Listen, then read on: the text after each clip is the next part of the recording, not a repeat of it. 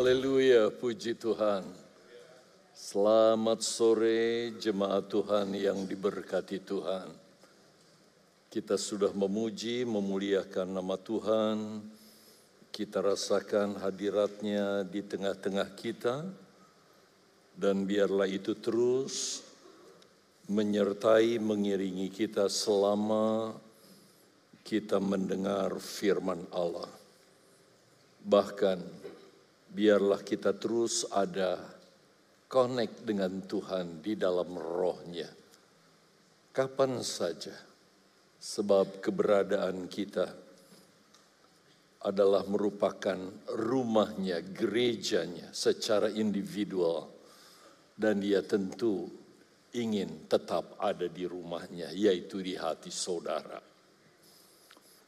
Saatnya kita akan membahas lanjutan dari jemaat di Tiatira dan ini bagian yang terakhir untuk jemaat di Tiatira yang diambil dari Wahyu pasal 2 ayat 24 sampai 29. Namun sebelumnya saya ingin menjelaskan sedikit kepada saudara sehubungan dengan beberapa pertanyaan dari apa yang saya sampaikan dua minggu lalu, bagaimana tentang pelayanan Rasul Yohanes selama dia melayani di tujuh jemaat yang kita melihat bagaimana Tuhan memberikan kepada dia pewahyuan tentang ini semua. Dan perlu saudara ingat bahwa beberapa kali saya menjelaskan tujuh jemaat yang ada di Asia kecil itu adalah gambaran tujuh jemaat di sepanjang perjalanan gereja Tuhan. Sejak dilahirkan melalui kematian Yesus, kebangkitan dan pencurahan Roh Kudus, gereja Tuhan mulai berdiri dan gambarannya digambarkan dengan gambaran jemaat di Efesus. Terus berlanjut dari tahun ke tahun, saudara, dari masa ke masa, sepanjang periode atau katakanlah dispensasi waktu gereja Tuhan yang akan berakhir di akhir zaman yang dimungkinkan adalah di masa saudara dan saya hidup di akhir zaman ini yang ditandai dengan model gerejanya adalah seperti jemaat di Laodikia yang belum kita bahas dan juga jemaat di Philadelphia. Dan apa yang kita bahas tentang jemaat di Tiatira, kalau dilihat dari pekerjaan Tuhan atau gereja secara umum, maka jemaat Tiatira itu keadaannya seperti gereja di tahun 600-an saudara di mana keadaannya mulai terjadi kemerosotan-kemerosotan. Dari awalnya gereja mula-mula yang begitu luar biasa digambarkan dengan gambaran Efesus berganti kepada jemaat di Smyrna, kemudian Pergamus dan yang kita bahas Tiatira. Jadi saya harap saudara mengerti akan hal itu sehingga saudara tidak dibingungkan. Nah, baiklah sekarang kita akan bahas terlebih dahulu ayat-ayat yang akan kita pelajari yaitu mulai dari ayat 24 sampai 29 dari kitab Wahyu pasal yang kedua. Sangat senang sekali kalau ayatnya ditampilkan, tetapi Alkitab di tangan saudara jangan terus dilipat ya ditutup ya. Ini sebagai cara untuk memudahkan kita membaca dengan huruf-huruf yang besar dan jelas tentunya. Baik, saya bacakan ayat-ayat ini. Ayat 24. Tetapi kepada kamu, yaitu orang-orang lain di Tiatira. Jadi ada jemaat lain di Tiatira, saudara, yang tidak terbawa oleh ajaran Isabel. Ini yang dimaksud yang tidak mengikuti ajaran itu dan yang tidak menyelidiki apa yang mereka sebut seluk-beluk iblis. Kepada kamu aku berkata. Apa katanya? Aku tidak mau menanggungkan beban lain kepadamu. Jadi kepada jemaat yang betul-betul setia mengikuti jalan Tuhan, Tuhan tidak akan menanggungkan beban di luar kemampuan kita. Ayat 25. Ayat 25. Tetapi apa yang ada padamu? Apa yang sudah dipegang oleh jemaat di Tiatira yang tidak terbawa ajaran-ajaran Isabel itu, peganglah itu sampai aku datang. Jadi ajaran-ajaran kebenaran yang sudah saudara terima di tempat ini. Jangan abaikan itu, tapi jadikan itu sebagai pegangan untuk saudara sekalian. Ayat 26. Dan barang siapa menang, dan melakukan pekerjaanku sampai kesudahannya. Kepadanya akan kukaruniakan kuasa atas bangsa-bangsa. Apa yang dimaksud kuasa atas bangsa-bangsa? Sebentar kita akan bahas dalam pembahasan ayat ini. 27 dan ia akan memerintah mereka dengan tongkat besi mereka yang berkuasa atas bangsa-bangsa, yaitu jemaat Tiatira yang setia, dikatakan akan memerintah dengan tongkat besi. Mereka akan dirembukan orang-orang berdosa yang tidak berpegang kepada firman Allah akan dirembukan seperti tembikar tukang periuk sama seperti yang kuterima dari Bapakku. Seperti kuasa yang Yesus terima dari Bapa, yaitu untuk membinasakan orang-orang berdosa. Ternyata hak itu, kewenangan itu, kekuasaan itu diberikan juga bagi jemaat yang setia kepada Tuhan. Ayat 28. Dan kepadanya akan kukaruniakan bintang timur. 29 terakhir. Siapa yang bertelinga? Kita semua bawa telinga bukan ke gereja. Pasang telinga baik-baik hendaklah ia mendengar apa yang dikatakan roh kepada jemaat-jemaat apa yang disampaikan oleh Tuhan lewat hambanya melalui pekerjaan roh kudusnya. Pegang itu baik-baik sampai Yesus datang. Baik, untuk membahas ini saya mundur ke dua minggu lalu. Saya berharap dua minggu lalu saudara mendengar pengajaran ini di mana saya menjelaskan kepada saudara bahwa di akhir zaman menjelang kedatangan Yesus kedua kali firman Allah mengatakan akan terjadi pemisahan di dalam gereja. Saudara, firman Allah yang mengatakan ini bukan rekayasa, bukan bisa-bisanya hamba Tuhan. Tapi firman Allah yang mengatakan bahwa di dalam gereja mulai dari skala gereja lokal kayak GPDI Mahanaim akan ada pemisahan di antara jemaat sampai nanti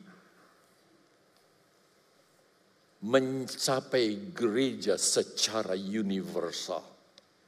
Sehingga di muka bumi ini nanti saudara yang namanya orang Kristen itu akan terbagi menjadi dua bagian. Ini bukan terjadi karena pertikaian, salah faham, perselisihan, dan sebagainya. Sama sekali bukan. Tetapi pemisahan ini terjadi karena Yesus ingin melihat. Berikutnya diklik. Mana jemaat Tuhan yang malas dalam membangun kehidupan rohaninya. Mulai saudara mungkin tersentuh dengan kalimat ini. Sehingga saudara bertanya kepada diri saudara, Nggak usah tunjuk orang lain, korek-korek orang lain.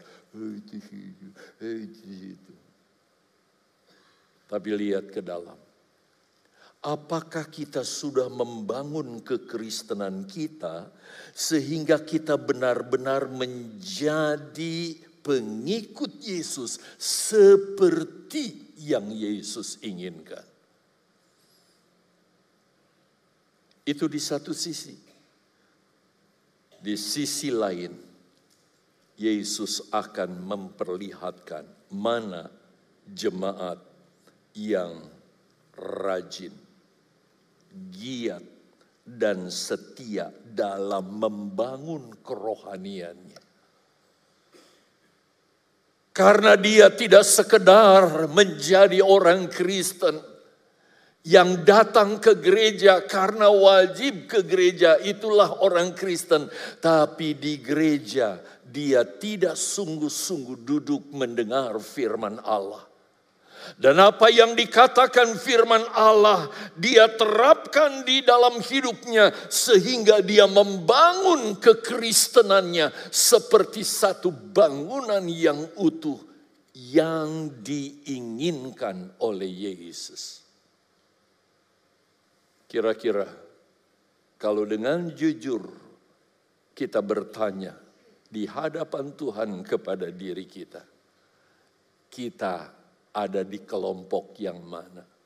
Yang malas sehingga cuma namanya doang Kristen tetapi kehidupan kekristenannya tidak terbangun di dalam hidupnya. Atau Walaupun mungkin orang itu sederhana, tetapi benar-benar dia menjadi Kristen yang sejati, yang tercitra dalam kehidupannya sebagai pengikut Yesus yang sungguh-sungguh dan yang paling utama berkenan di hadapan Yesus.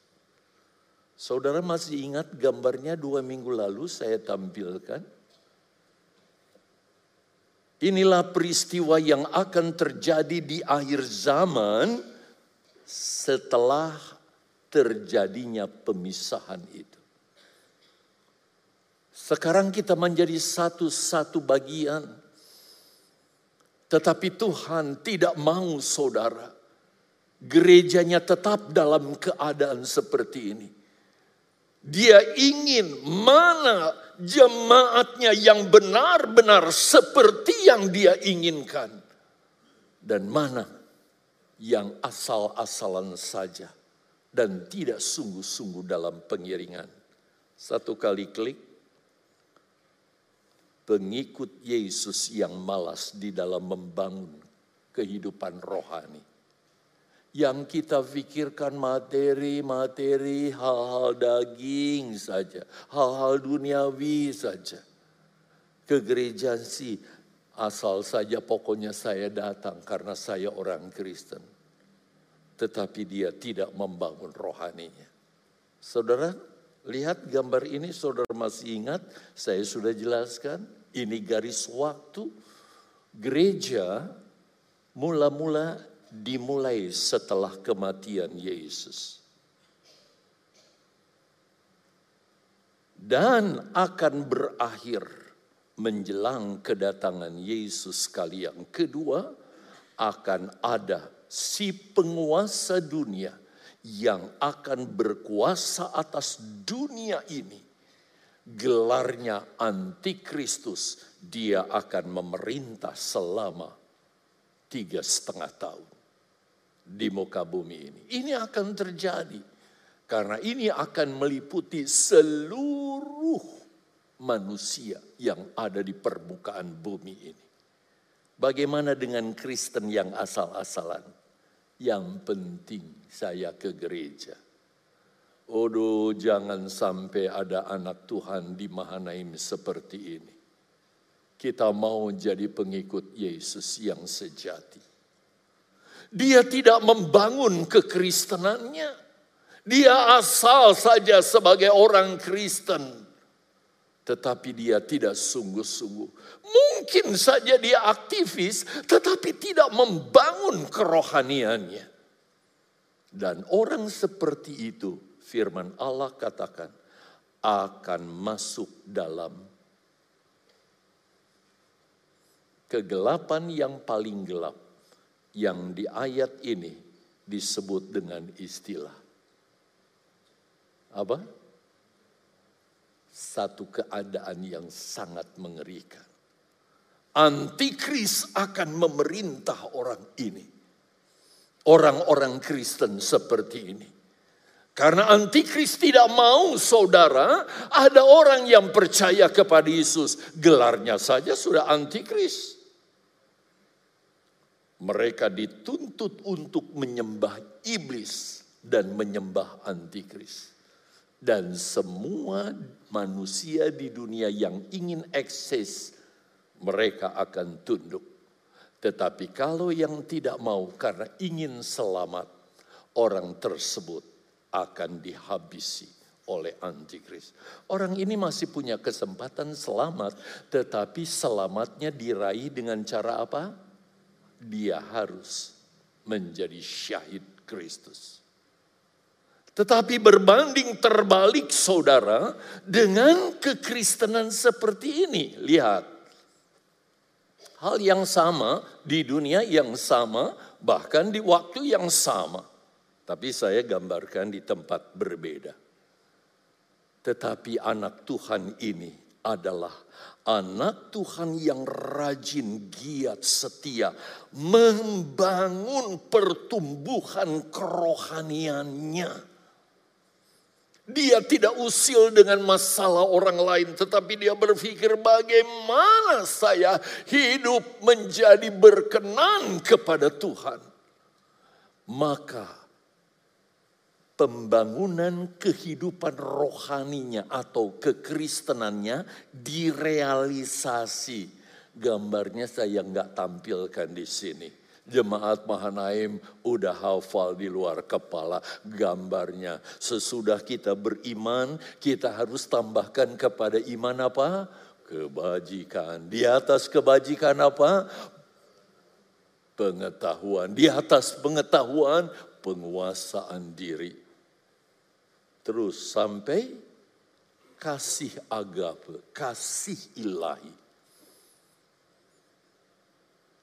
Bukan teori, dia realisasi. Maka orang ini saudara ketika Yesus datang kedua kali. Selain sebelum Yesus datang kedua kali, dia tidak akan masuk ke dalam pemerintahan antikristus.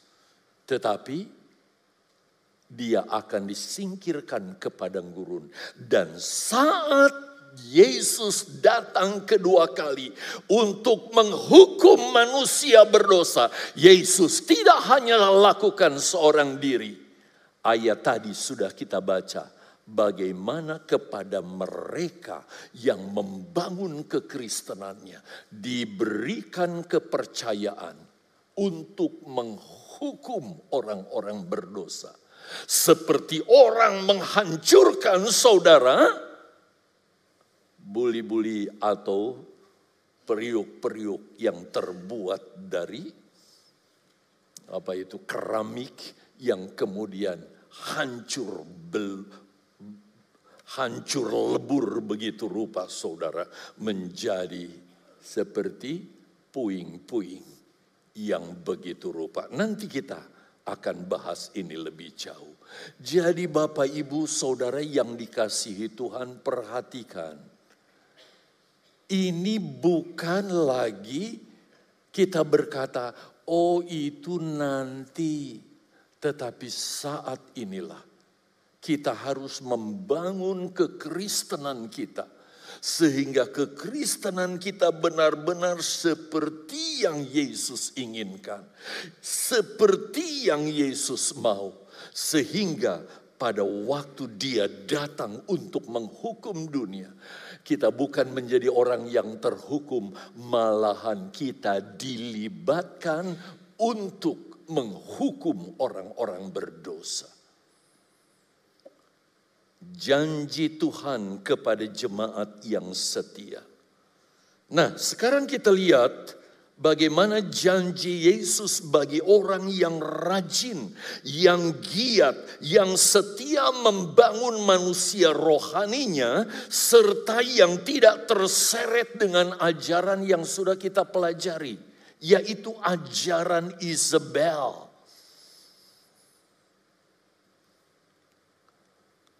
Ajaran yang sangat-sangat menjijikan. Karena Isabel mengajarkan perzinahan rohani. Saudara tahu perzinahan rohani? Saudara sudah percaya kepada Yesus, tapi saudara percaya kepada ajaran-ajaran lain. Saya sudah sampaikan dua minggu lalu. Kita percaya kepada Yesus yang menuntut kekudusan, tapi kita main dukun, mistis, dan hal-hal lainnya. Itulah yang disebut perzinahan rohani. Saudara percaya kepada Yesus satu-satunya penyelamat, tapi saudara percaya dengan ajaran agama-agama lain, ajaran-ajaran lain. Tapi Kristen yang sejati adalah murni hanya mengimani firman Allah dan dia menjauhkan diri dari segala ajaran-ajaran yang tidak berkenan kepada Tuhan. Apakah di sini masih ada jemaat Mahanaim? Selain ke gereja, pergi juga ke dukun. Pergi juga ke tempat-tempat lain, ke penyembahan lain. Dan percaya itu. Kalau masih ada orang Kristen seperti itu, seharusnya saat ini juga dia bertobat, berhenti dari perbuatan-perbuatan itu. Karena itu merupakan kejijikan di hadapan Tuhan. Kita harus menjadi Kristen yang murni, yang benar-benar hanya mengikuti apa yang firman Allah katakan. Mari kita perhatikan ayat-ayatnya saudara. Di dalam pasal 2 ayat 26 sampai 28, saya hanya berikan dulu garis besarnya di sini, di mana Yesus akan memberi kuasa kepada jemaat yang tidak terpengaruh oleh ajaran Isabel yang dua minggu kita dua minggu lalu kita sudah pelajari. Tidak terpengaruh dengan perzinahan rohani yang saya baru jelaskan kepada saudara tadi. Nah, orang-orang Kristen seperti inilah yang akan diberikan kuasa oleh Yesus dan dilibatkan untuk saudara menghukum orang-orang berdosa nanti. Dan ini satu kebanggaan, kepercayaan. Sebab itu saudara, orang Kristen sekarang diajarkan di dalam kitab Roma untuk kita tidak melakukan pembalasan apa pun, saudara. Ada banyak wilayah-wilayah Kristen ketika diperlakukan tidak adil. Ya kita hanya diam saja. Dan ketika kita membangun gereja, bikin persekutuan, saudara lihat begitu banyak berita. Orang datang mengobrak-abrik dan melarang dan sebagainya saudara. Itu menjadi kenyataan, jadi berita umum. Dan orang Kristen hanya bisa menangis.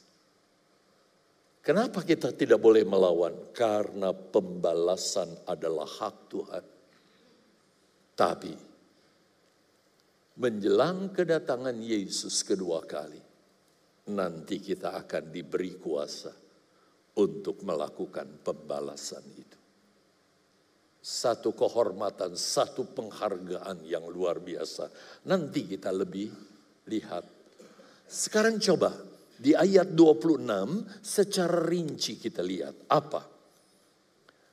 Di ayat 26 Yesus akan memberikan kepada kita kuasa atas bangsa-bangsa di dunia ini yaitu mereka yang tidak berjalan sesuai dengan kebenaran firman Allah yang akan dihukum karena dosa-dosa mereka kepada kita kita diberi kepercayaan untuk itu.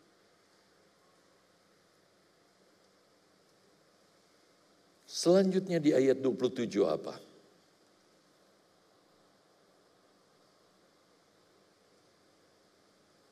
Kita akan memerintah dalam artian menghukum atau menghakimi bangsa-bangsa di dunia ini dengan perangkat yang diberikan oleh Yesus sendiri.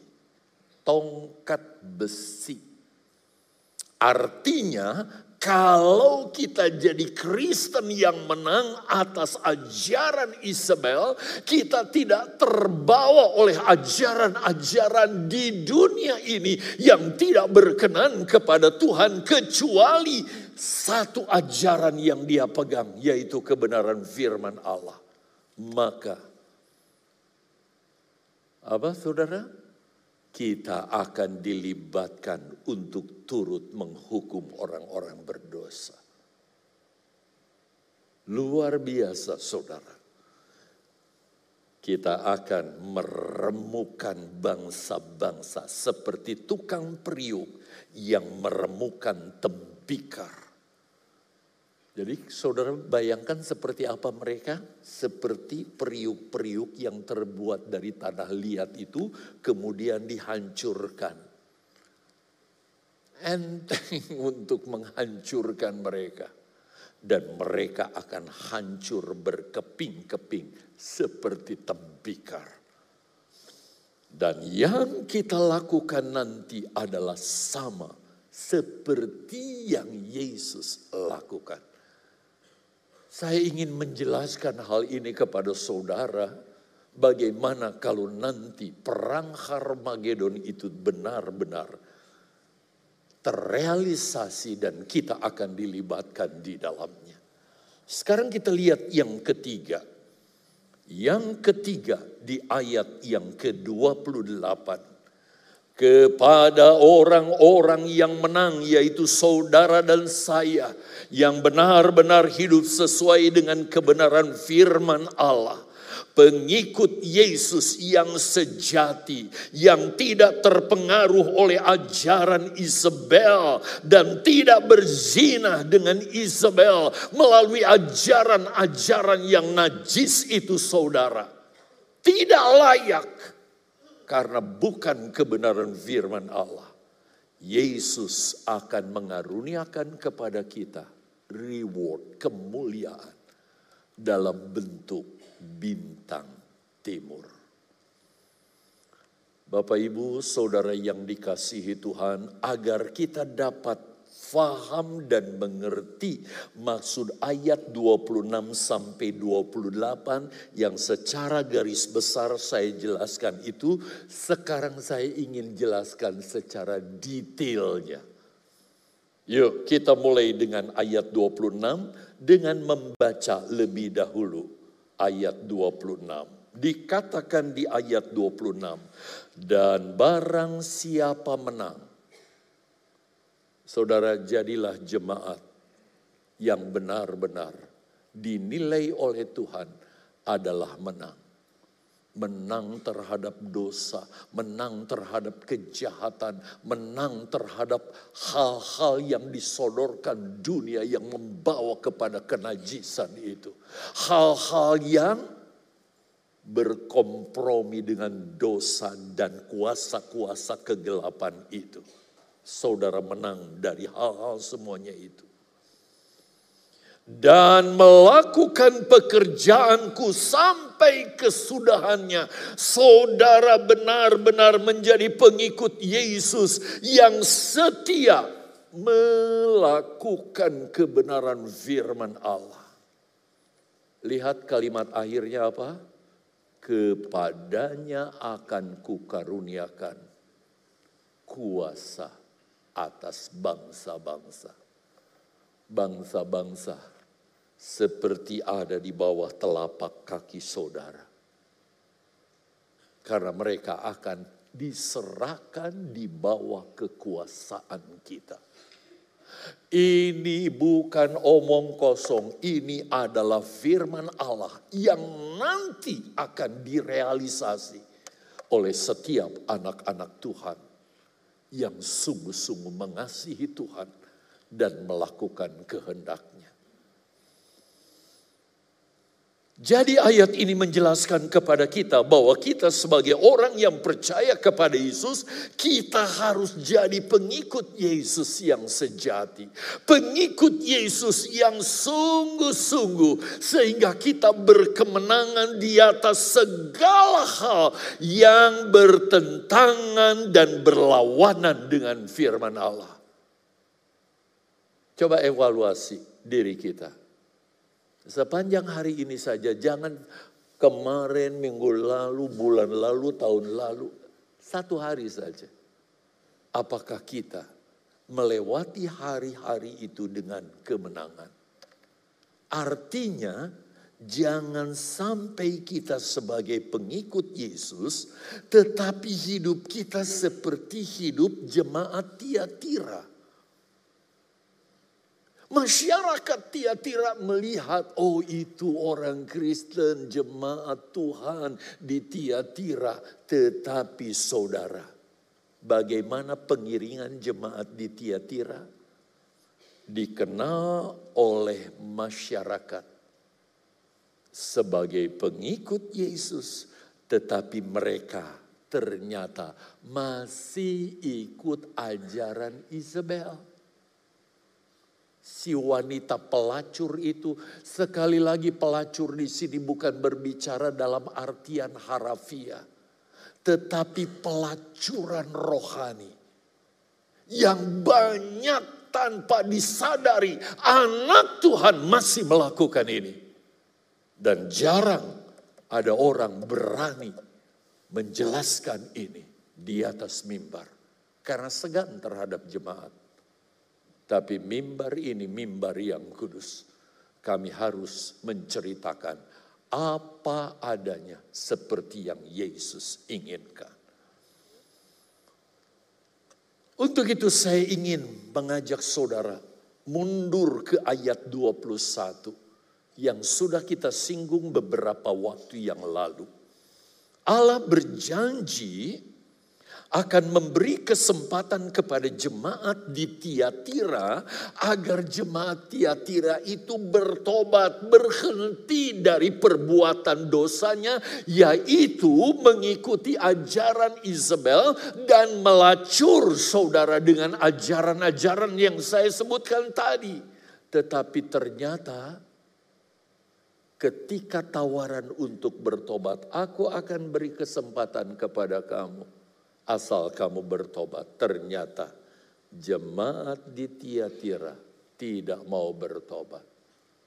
Kenapa? Kenapa saudara? Hati-hati.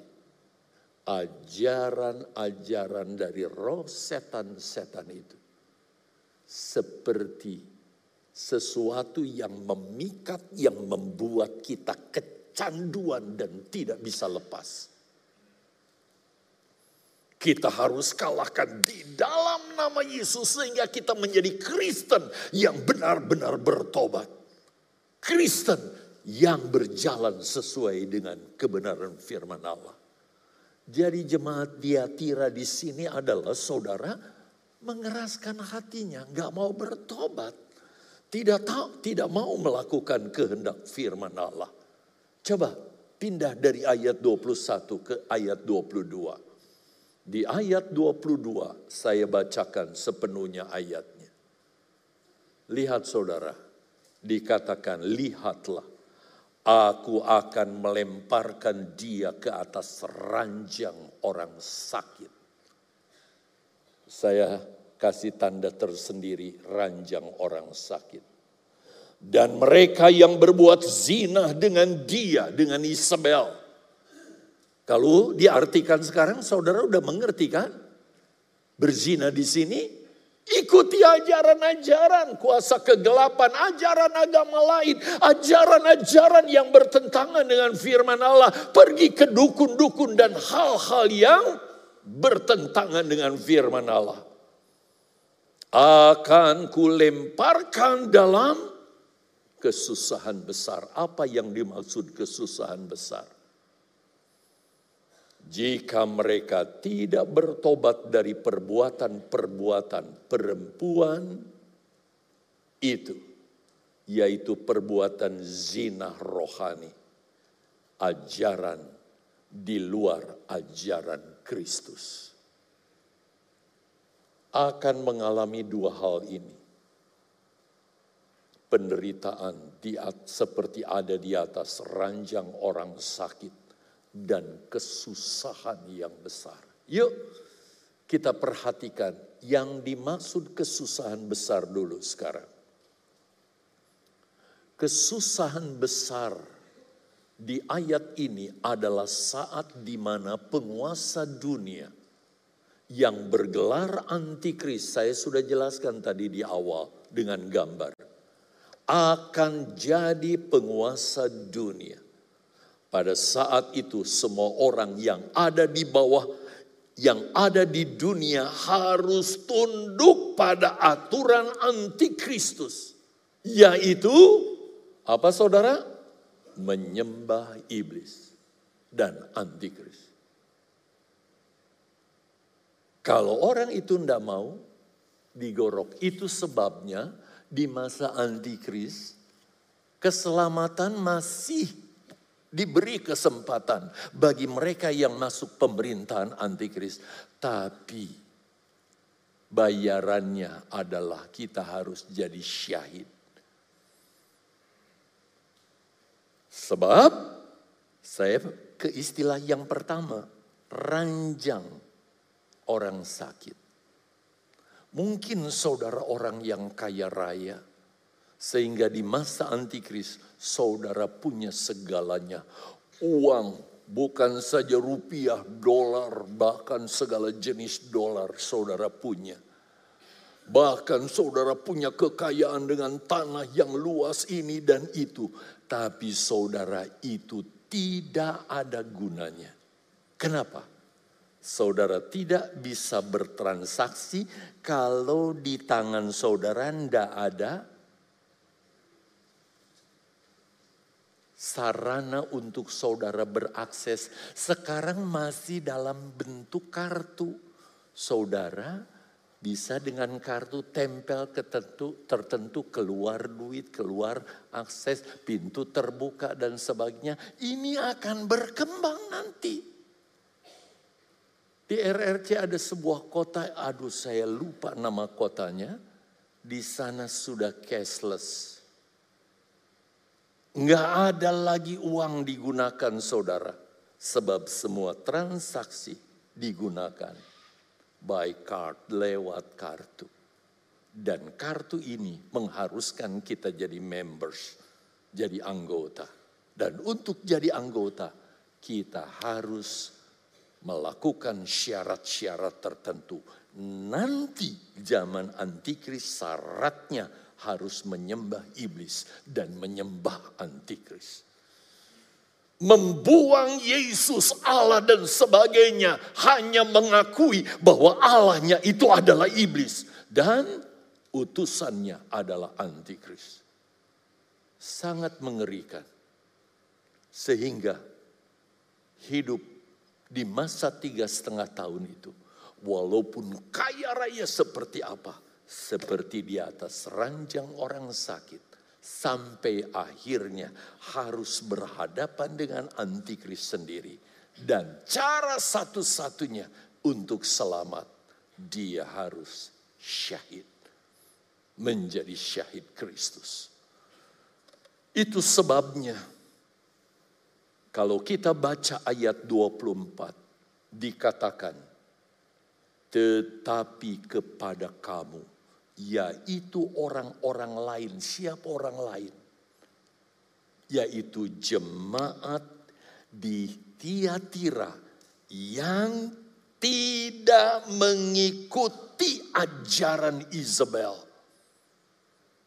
Yang tidak menyelidiki apa-apa yang mereka sebut sebagai seluk-beluk iblis yang saya sebut tadi dengan istilah menjadikan iblis sebagai tuhannya dan antikris sebagai utusan yang juga harus disembah seperti menyembah Tuhan. Seluk-beluk iblis. Kepada kamu aku berkata, aku Yesus tidak mau menanggungkan beban lain itu kepadamu. Yang setia saudara kita tidak akan melakukan, mengalami tanggungan itu. Itu sebabnya digambarkan seperti orang yang membangun rohaninya ketika masa antikris berkuasa. Dia sudah disingkirkan. Sampai waktunya Yesus datang. Yesus akan beri kepada kita kekuasaan untuk melawan musuh-musuh Yesus. Itu sebabnya tadi pagi saya membaca di dalam kitab Wahyu tetapi sayang tidak sampai ke ayat berikutnya karena waktunya sudah habis. Mari kita lanjutkan supaya kita juga nggak kehabisan waktu. Perhatikan saudara, tentang pengikut Yesus yang taat dan setia. Bagi jemaat yang taat dan setia dan tidak ikut dan terseret dengan ajaran Isabel dengan prakteknya yaitu perzinahan rohani kepada mereka akan diberi kuasa atas bangsa-bangsa dan memerintah dengan tongkat besi. Kita lihat saudara ayatnya di dalam ayat 26 dan 27. Dua ayat ini sekaligus saya tampilkan. Saudara lihat, dan barang siapa menang, jemaat Mahanaim, jemaat pemenang, amin. Halo, mana suaranya? Jemaat Mahanaim, jemaat pemenang. Praktekan ya dalam kekristenan dan melakukan pekerjaanku sampai kepada kesudahannya. Lakukan kebenaran, hidup sesuai firman Allah sampai waktunya. Ia akan memerintah mereka dengan tongkat besi.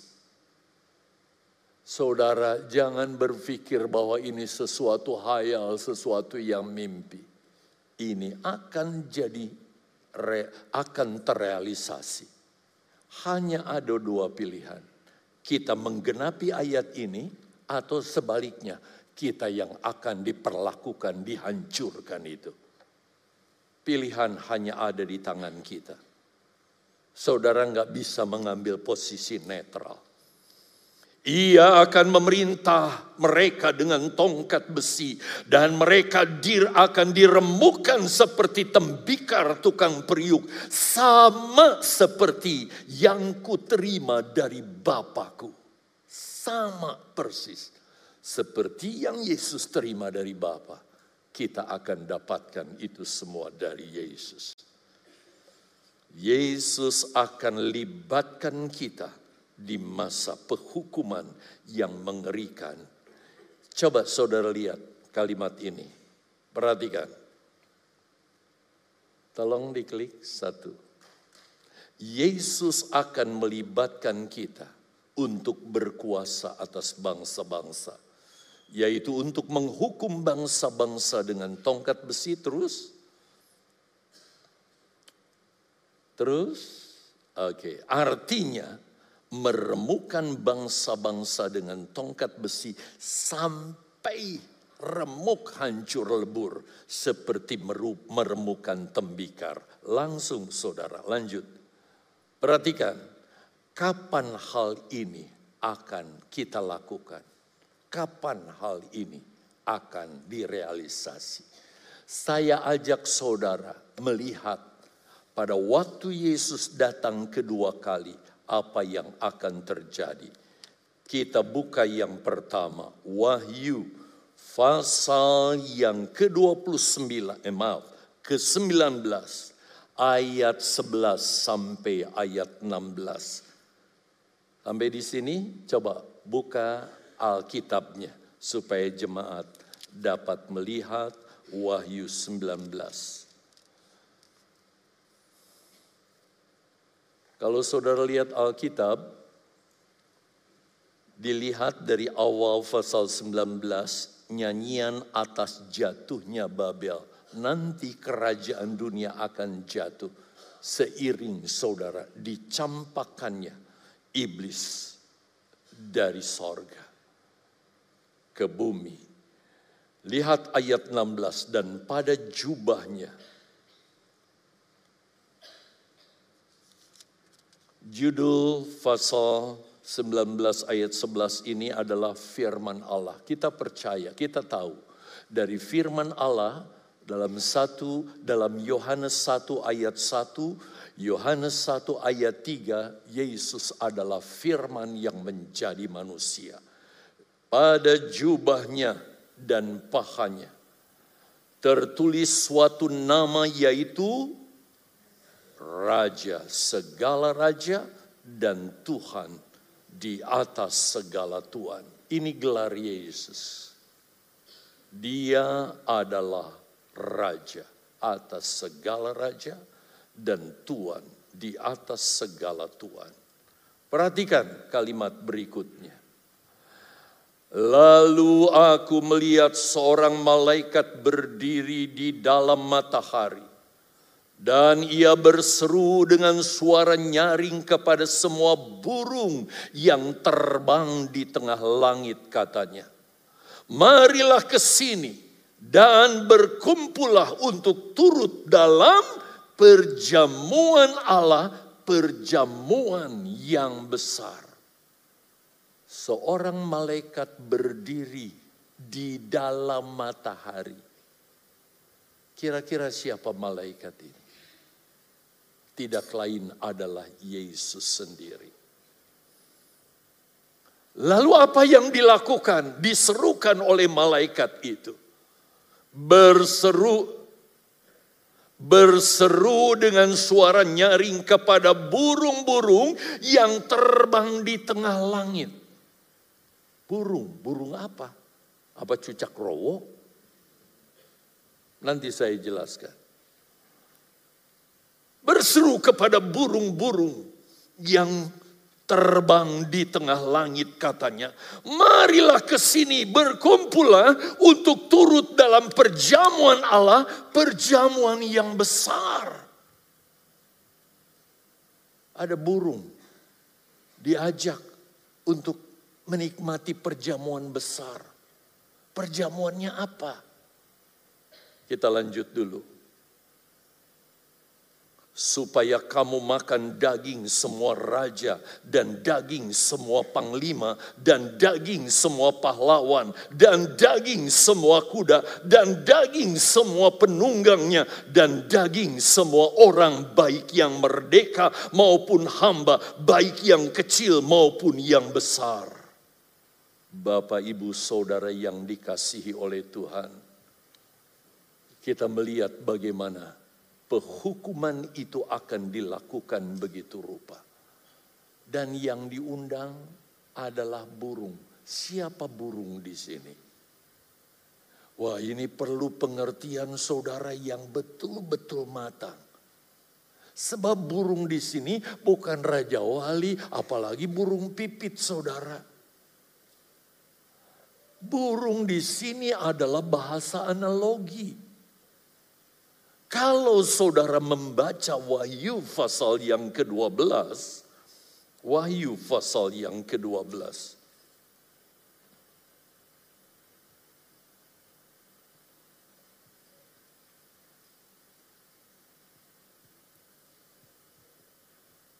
Kita lihat langsung saja ke ayat yang ke-6. Di ayat yang ke-6, perhatikan jemaat supaya kita mengerti. Perempuan itu lari ke padang gurun, di mana telah disediakan satu tempat baginya oleh Allah, supaya ia dipelihara di situ 1260 hari lamanya. 1260 hari itu identik dengan 42 bulan, identik dengan tiga setengah tahun.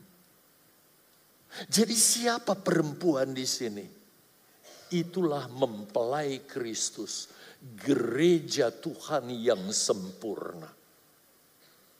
Ketika antikris berkuasa saudara, mereka disingkirkan dari komunitas manusia secara umum di muka bumi ini. Di negara mana pun ada orang Kristen yang benar-benar saudara tidak melakukan hal-hal yang bertentangan dengan firman Allah. Seperti jemaat di Tiatira sebagian yang bertahan gak mau ikut-ikutan yang lain itu saudara.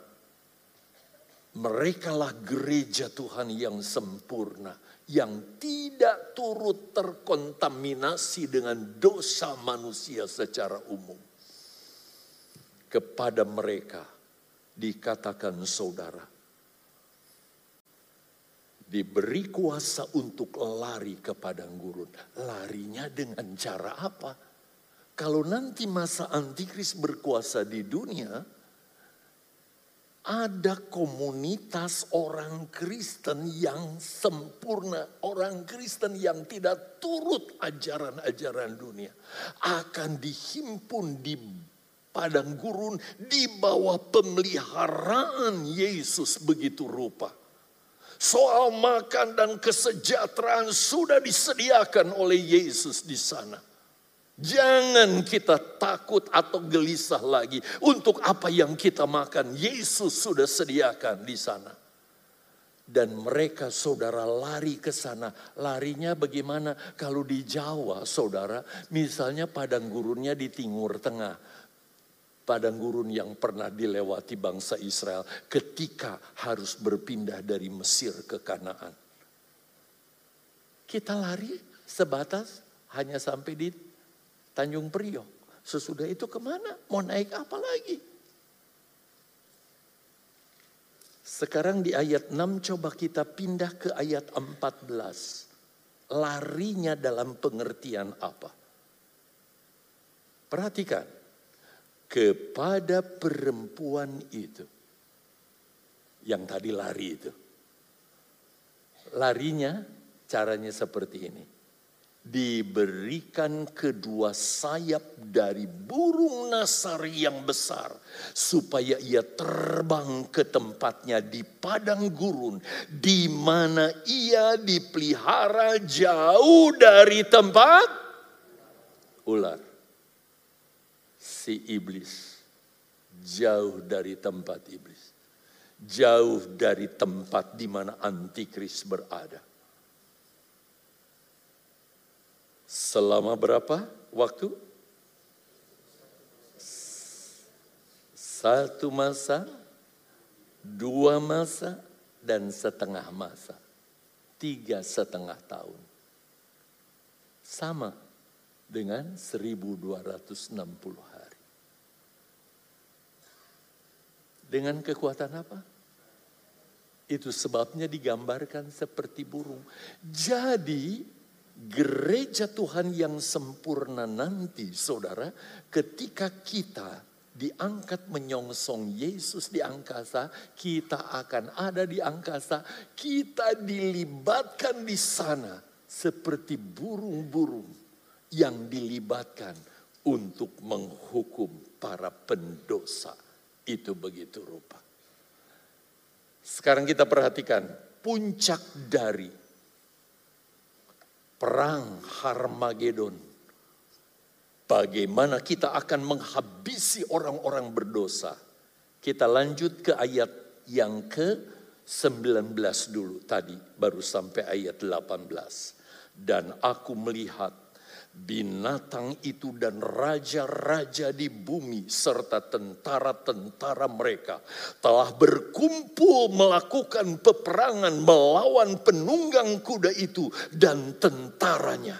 Saudara yang dikasih Tuhan, seluruh pemimpin negara di dunia di bawah pimpinan antikris dan tentara-tentara elitnya akan dikerahkan dan berkumpul di satu tempat yang namanya Harmagedon untuk melawan kedatangan Yesus kedua kali. Tetapi apa yang terjadi? Pindah ke ayat yang ke-20. Maka tertangkaplah binatang itu. Binatang di sini tidak lain gelar untuk antikris dan bersama-sama dengan dia nabi palsu termasuk Isabel. Yang telah mengadakan tanda-tanda di depan matanya. Dan dengan demikian ia menyesatkan mereka yang telah menerima tanda dari binatang itu. Siapa yang terima meterai antikris, orang itu akan disesatkan. Sebab itu kan heboh tempo hari waktu rame tentang chips. Kita boleh enggak? Dan sebagainya. Lanjut. Dan yang menyembah patungnya. Keduanya dilemparkan hidup-hidup. Dan ke dalam lautan api yang menyala-nyala oleh belerang. Dalam perang itu saudara, kita lihat yang tertangkap pertama adalah antikris yang digambarkan dengan binatang dan nabi palsu. Si penyesat ini. Mereka langsung dibuang ke dalam neraka. Dan ayat 21 terakhir. Dan semua orang lain dibunuh dengan pedang yang keluar dari mulut penunggang kuda itu. Dan semua burung kenyang oleh daging mereka. Semua rakyat manusia dari jelata sampai tingkat tertinggi yang tidak hidup sesuai dengan kebenaran firman Allah. Tidak ada seorang pun yang luput tersisa. Akan dibunuh. Siapa yang terlibat?